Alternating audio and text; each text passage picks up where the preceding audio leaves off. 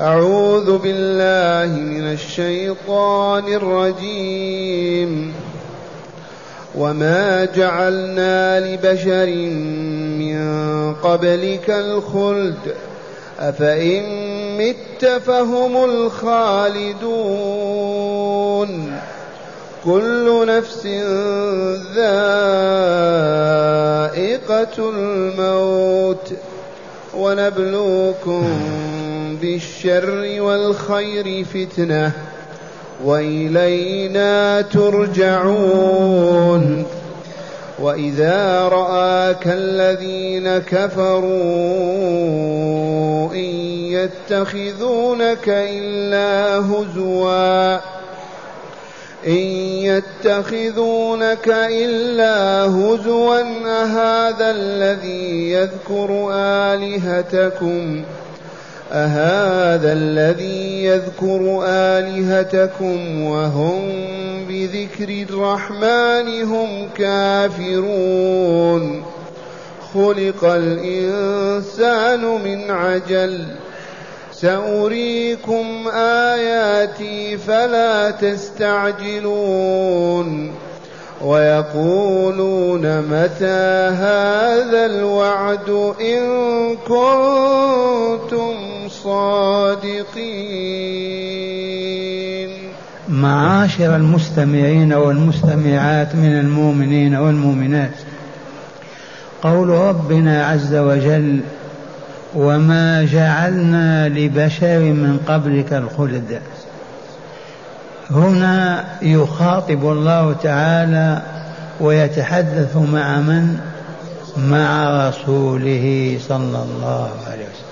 إذا فمحمد والله لا رسول الله. أيكلمه الله ويوحي إليه وتكذبون برسالته وتنفون نبوته وهذا الله يخاطبه في كتابه القرآن العظيم. ويقول له وما جعلنا لبشر أي لإنسان ذكرا أو أنثى. غنيا أو فقيرا في الأولين أو الآخرين من قبلك الخلد. والخلد البقاء الدائم الذي لا يطع عليه الفناء والموت. لما قال تعالى هذا؟ لأن المشركين في أنديتهم ومجتمعاتهم قال قائل منهم اصبروا على هذا الرجل ما هو إلا كشاعر من الشعراء وسوف يموت كما ماتوا. لا تتراجعوا أبدا عن دينكم وملتكم واثبتوا فالرجل سوف يموت. كم وكم من شعراء ماتوا. هذه كلماتهم فيما بينهم. علمها الله عز وجل وأخبر رسوله بها. فقال له تعالى وما جعلنا لبشر من قبلك الخلد حتى تخلد أنت. وهم يموتون ولا يخلدون. أفإن مت فهم الخالدون. لو كانوا عقلاء لو كانوا بصراء ينتظرون موت الرسول وموتهم ما ينتظرونه ما يموتونهم يموتون. فهذه النظرية فاسدة وباطلة. لا قيمة لها أولا الرسول سيموت كما مات من قبله. ليس هناك من يخلد. ثاني وأنتم يا من تتمنون موت الرسول. ما تموتون؟ تموتون. وقرر تعالى هذه الحقيقة فقال كل نفس ذائقة الموت. كل نفس منفوسة. في إنسان أو حيوان أو جان لا بد وأن تذوق مرارة الموت. ولا بد أن ماذا تتمتع بغصصها في حلقها. بلغ ماذا؟ لست أنت وحدك تموت ولا هم فقط. كل نفس ذائقة الموت. تذوق الموت الموت يذاق تذاق مرارته وآلامه وأتعابه والغصص التي تحصل للإنسان كل نفس من إنس أو جان أو حيوان. ثم قال تعالى ونبلوكم بالشر والخير فتنة وإلينا ترجعون. نبلوكم نمتحنكم. نختبركم في حياتكم الدنيا هذه بالخير والشر بالغنى والفقر بالصحة والمرض بالعز والذل وهكذا بالسعادة والشقاء. ابتلاء الغني والله مبتلى بالغنى والفقير والله مبتلى بفقره والمريض والله ممتحن بمرضه والصحيح والله مبتلى بصحته. والذي يسمع ويبصر مبتلى بسمع وبصره. وفاقد السمع والبصر والبصر مبتلى بفقد ذلك. لأنه قال ونبلوكم بالشر والخير. أذكر أنواع الشر لا حد لها وأنواع الخير مقابل ذلك. ومعنى نبلوكم نمتحنكم نختبركم. فالأغنياء ممتحنون هل يصدقون الله فيما أخبر به ويزكون أموالهم ويتصدقون على الفقراء والمساكين ولا يسرفون ولا يسلكون مساكن الترف والعياذ بالله تعالى. والفقراء مبتلون هل يصبرون؟ هل يرجع إلى الله؟ هل يثبت على عقيدتهم؟ لا يمد أيديهم ولا يسأل غير ربهم ولا ولا ممتحنون. وهكذا كما علمتم ما منا إلا ومبتلى. ونبلوكم بالشر والخير فتنة أي امتحانا واختبارا فمن وافق رضا الله وأقام على دين الله نفسه وما خرج عنه فهذا مصيره الجنة دار السلام. ومن انتكس وهلك وأعرض عن الله وذكره وما صبر لا ولا ولا فاز في امتحانه فمصيره جهنم وبئس القرار وبئس المصير. إذ الحقيقة التي ما نسيتموها لو سئلنا عن سر هذه الحياة لما أوجد الله هذه الحياة؟ الجواب من أجل العمل. ولما أوجد الدار الثانية إذن أوجدها للجزاء فقط. لو يجتمع أهل الدنيا كلهم على أن ينقضوا هذه الحقيقة والله ما ينقضونها. لو تسأل فيلسوفا لما خلق الله البشر في هذه الحياة الدنيا؟ وخلق هذه الحيوانات والنباتات وهو ما السر ما الحكمة؟ الله في حاجة إلى ذلك؟ لا كان ولم يكن شيء. ما الحكمة؟ الجواب من أجل أن يعملوا بذكره وشكره أو بالكفر به وبمعصيته. والدار الآخرة للجزاء. ما فيها أبدا عمل. العمل هنا والجزاء هناك. فلهذا قال تعالى ونبلوكم بالشر والخير فتنة وإلينا ترجعون للجزاء. من صبر على إيمانه وتقواه سواء كان فقيرا أو غنيا عزيزا أو ذليلا غريبا أو بعيدا من صبر جزاء الصابرين رضا الله عز وجل وبالجوار الكريم في دار السلام. ومن امتحل فماذا؟ رسب ما نجح. ما صبر على فقره ما تصدق ولا أعطى من ماله ما ما ما عاكس ما أراد الله عز وجل. فهذا أيضا خيبته وخسرانه في الدار الآخرة. الجزاء بالعذاب الأليم.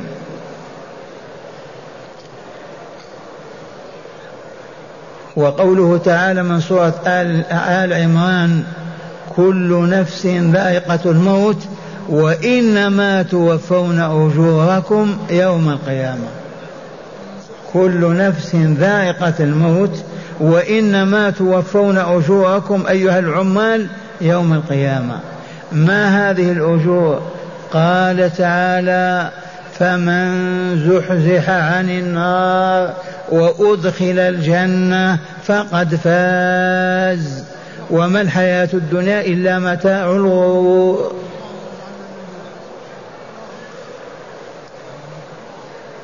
ثم قال تعالى لرسوله صلى الله عليه وسلم واذا راك الذين كفروا كعقبه بن ابي معيط وابي جهل والنضر بن الحارث وابي بن خلف طغاة الشرك والمشركين. واذا راوك في الشارع في المسجد حول البيت ماذا يفعلون؟ ان يتخذونك الا هزؤا يهزؤون ويسخرون ويستهزئون بك. هذا الذي ينفي وجود الآلهة هذا الذي يندد بالمشركين هذا هذا هذا استهزاء وسخرية. والله كما تسمعون. والمخبر من هو؟ أليس الله؟ وإذا رآك يا رسولنا الذين كفروا هذه الصيلة كفروا. هم الذين يستهزئون ويسخرون. أما المؤمنون فحاشاهم ولن يصدر عنهم سخرية ولا استهزاء لا بالرسول ولا بغيره. لكن أصحاب الظلم أصحاب الظلم والنفس الخبيثة المنتنة بأوضار الشرك والمعاصي هم الذين يصابون بهذه الورطات فيستهزئون ويسخرون حتى بالنبي صلى الله عليه وسلم. وإذا رآك من؟ الذين كفروا.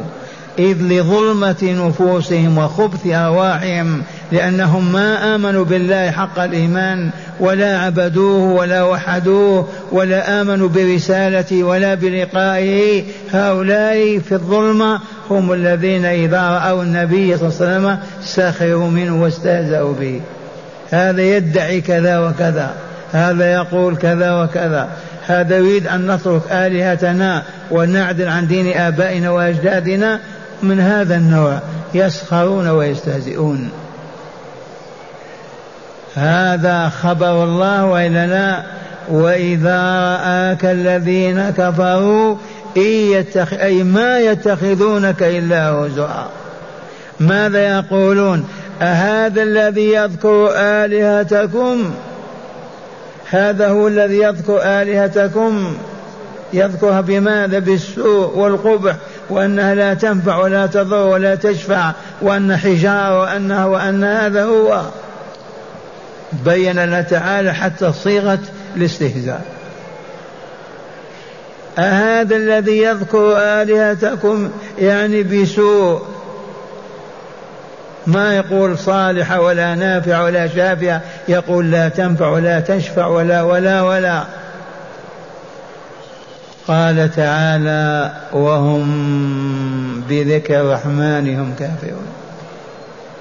يا للأسف وهم بذكر الرحمن هم كافرون.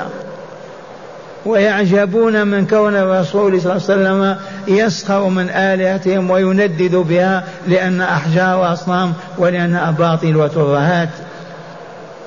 وهم الحال أنهم بذكر الرحمن كافرون. إذ قالوا ما عندنا الرحمن إلا رحمن اليمامة. ما نعرف الرحمن يا محمد؟ الرحمن رحمن اليمامة فقط مسيلم الكذاب.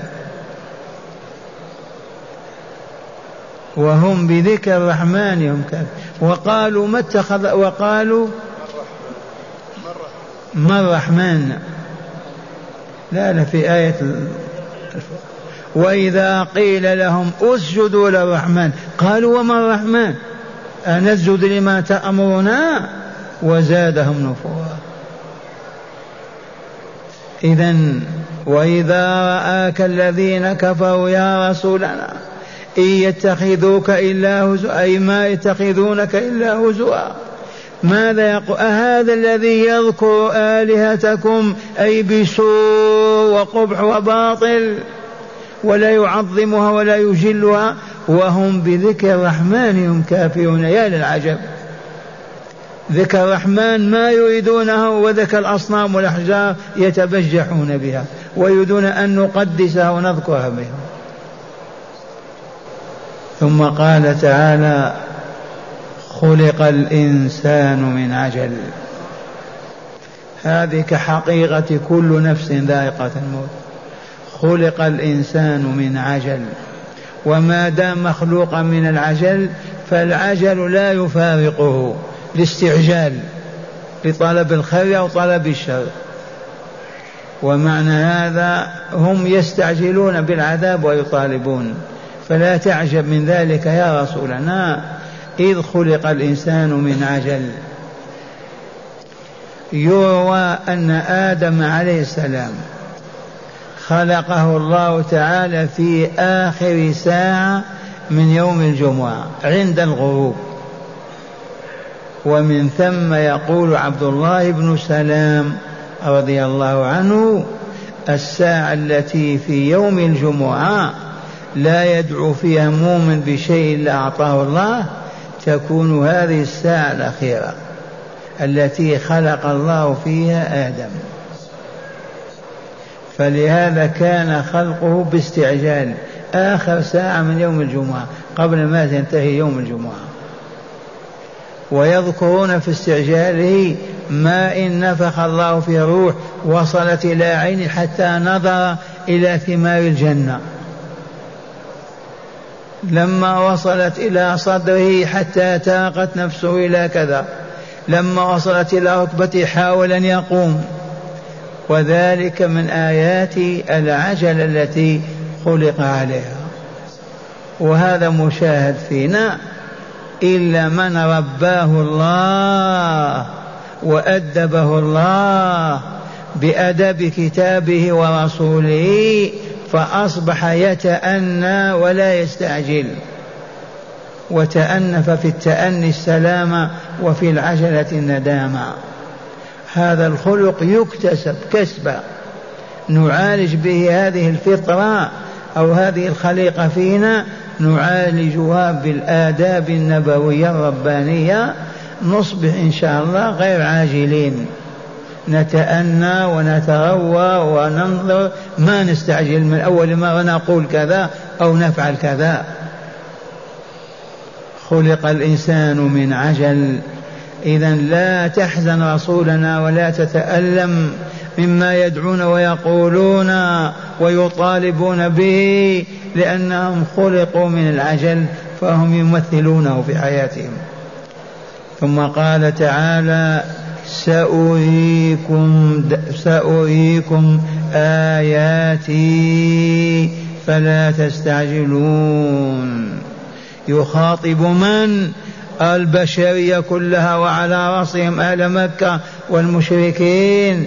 يعيدهم وعد الصدق والحق سيريهم آياته التي تتجلى فيها حقائق علمه ورحمته وقدرته في الآيات القرآنية في الأحكام الشرعية في الأخبار والقصص القرآنية في آيات الكون. سيريهم آياته فما تستعجلون اصبروا. وما هي إلا كذا وإذا هؤلاء الطغاة كلهم يلقون في قليب في بدر عن آخرهم سبعون صنديدا. سأريكم آياتي فلا تستعجلون. وقد أراهم الله آياته بنصرة نبيه ونصرة دينه ونصرة عباده المؤمنين. ثم قال تعالى ويقولون متى هذا الوعد إن كنتم صادقين؟ يستعجلون بطبعهم متى هذا الوعد الذي تعيدونه؟ وعدهم وتحقق وإلا لا؟ أيام في مكة كم سنة؟ كلها عشر سنوات في مكة ثلاث عشر سنة. وانتقل المدينة في العام الثاني كانت معركة بدر وهلك الطغاة ودمروا عن آخرهم. يقول متى هذا الوعد الذي تعدنا إن كنتم صادقين؟ قل لهم ما وعد الله بشيء إلا وحققه وتم كما هو والاستعجال لا معنى له. لو كان الله كل ما نستعجل في شيء يعطينا فسدت الحياة. بل لا بد وأن تمضي في نظامها وما قدره الله فيها إلى نهايتها. فاستعجال الناس لا قيمة له. لو أنك الآن تستعجل يا رب أمتني ما يميتك أبدا. لماذا؟ لأن لك موعدا محدودا. لو تقول يا رب أحي هذا الميت ما يستجيب لك لأن له موعدا محدودا. إذا فالاستعجال بالنسبة إلى أهل الإيمان مذموم. عرفتم؟ مذموم وليس بمحمود. المحمود التأني والتروي. والتصديق بوعود الله. ما وعد الله به سوف يتحقق. وعد الله الذين آمنوا منكم وعملوا الصالحات لا يستخلفنهم في الأرض وليمكنن لهم دينهم الذي ارتضى لهم وليبدلنهم بعد خوفهم أمنا يعبدونني لا يشركون به شيئا. هذا الوعد تم وإلا ما تم في أقل من ثلاثين سنة خمسة وعشرين سنة فقط والديار كلها ديار إيمان وإسلام. وعد الله الذين آمنوا منكم وعملوا الصالحات بما لا يستخلفنهم في الأرض وليمكنن لهم دينهم الذي ارتضى لهم وليبدلهم بعد خوفهم امنا يعبدون لا يشركون به شيئا. والشاهد عندنا من أصدق من الله حديثا. أسمعكم الآيات مرة ثانية تأملوها. وما جعلنا لبشر من قبلك الخلد أفإن مت فهم الخالدون؟ كل نفس ذائقة الموت. ونبلوكم بالشر والخير فتنة. ونبلوكم بالشر والخير فتنة. وإلينا ترجعون للجزاء. وإذا رآك الذين كفروا يتخذونك إلا هزوا. أهذا الذي يذكر آلهتكم؟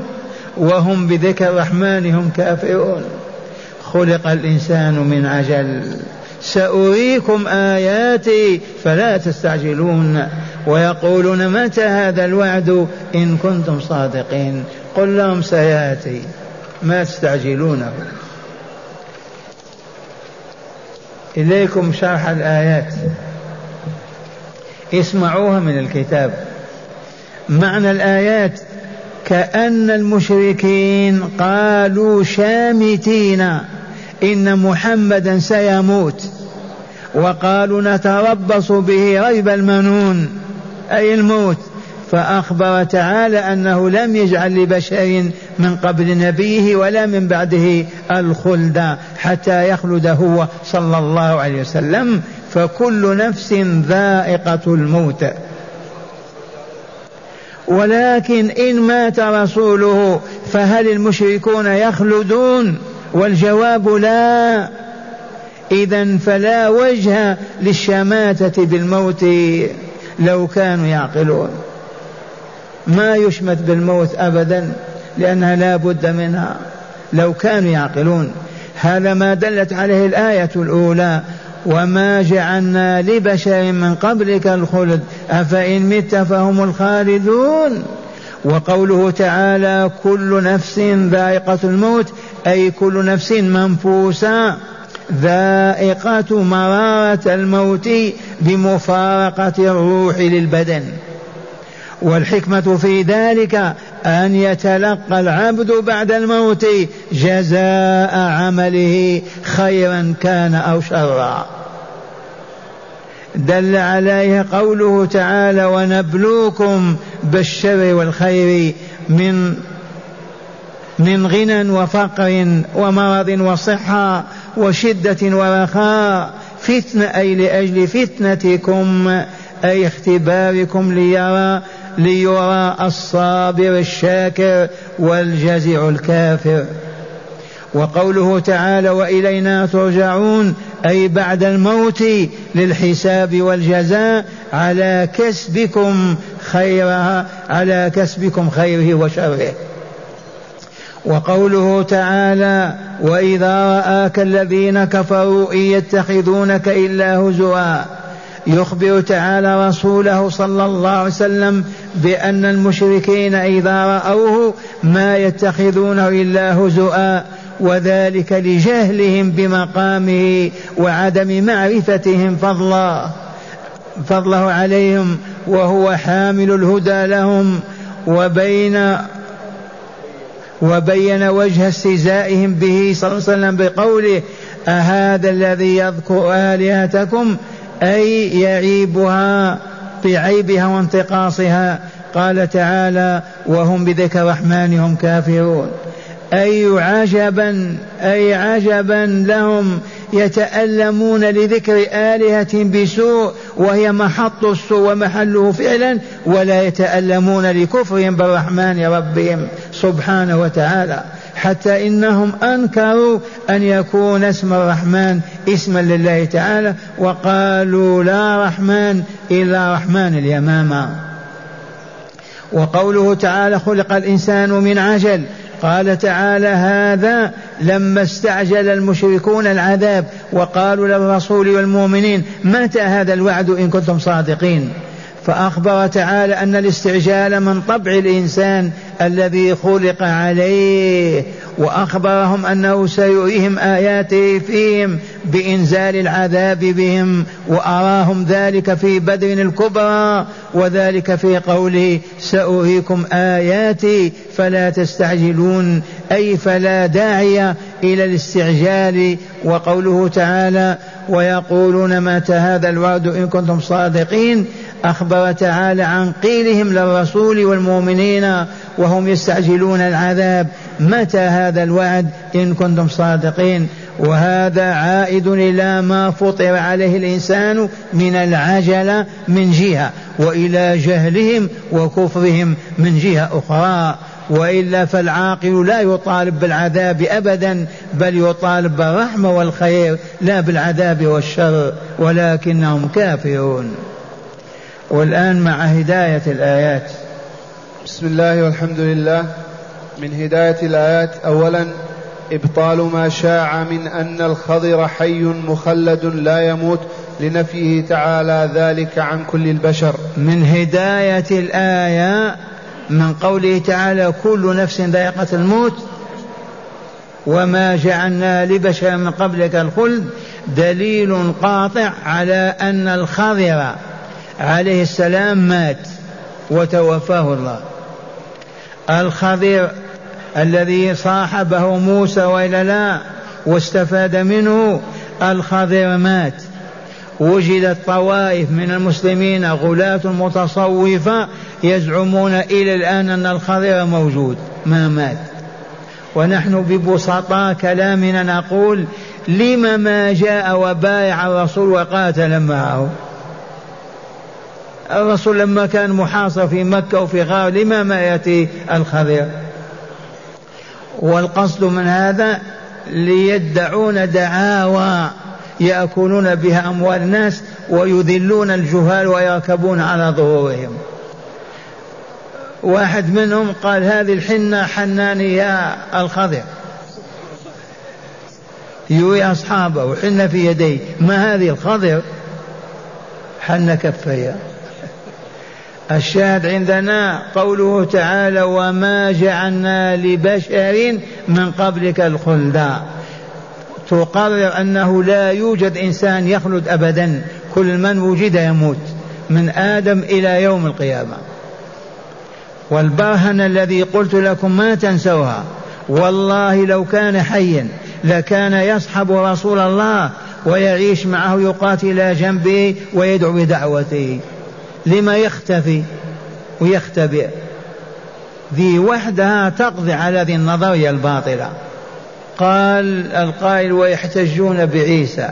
عيسى كيف يحتجون به؟ عيسى رفعه الله إليه. كذا ولا لا؟ وعمره ثلاث وثلاثون سنة. ما بلغ الكهولة ما زال شاب. ثلاثة وثلاثين سنة رفعه الله تعالى إلى الملكوت الأعلى وهو والله لفي الملكوت الأعلى في دار السلام. وعما قريب ينزله الله تعالى من الملكوت الأعلى. ولا عجب ما رفع الله نبيه محمد صلى الله عليه وسلم إلى سدرة المنتهى إلى جنة المأوى. ما نزل به إلى مكة وإلى لا. إذا فعيسى فقط المدة طويلة قرون. لحكم يعلمها الله. ثم ينزله على منارة دمشق. ويا ويل الصليبيين والكافرين والمشركين. نعم. ثانيا بيان العلة من وجود خير وشر في هذه الحياة الدنيا وهي الاختبار. نعم بيان العلة في وجود الصحة والمرض والفقر والغناء والعز وهذه لماذا؟ الاختبار الامتحان. من صبر نجا ومن ضجع وجزع هلك. نعم. ثالثا بيان ما كان عليه المشركون من من الاستهزاء بالرسول صلى الله عليه وسلم. بيان ما كان عليه المشركون من الاستهزاء نعم. استهزأوا وسخروا به كثيرا. ولا نذكر تلك الألفاظ التي قالوها. رابعا وأخيرا تقرير حقيقة حقيقة أن الإنسان مطبوع على العجلة فلذا من غير طبعه من غير طبعه بالتربية فأصبح ذا أنات وتأودة كان من أكمل الناس معاشر المستمعين ما دمنا علمنا أن الإنسان خلق عجولا كخلق ضعيفا. هذه الحال ينبغي أن نعمل على تربية أنفسنا ونتعلم الأناة والصبر وعدم العجلة لنفوز بهذه الفضيلة. ما نصبح كغير الناس الذين ما تربوا في حجور الصالحين.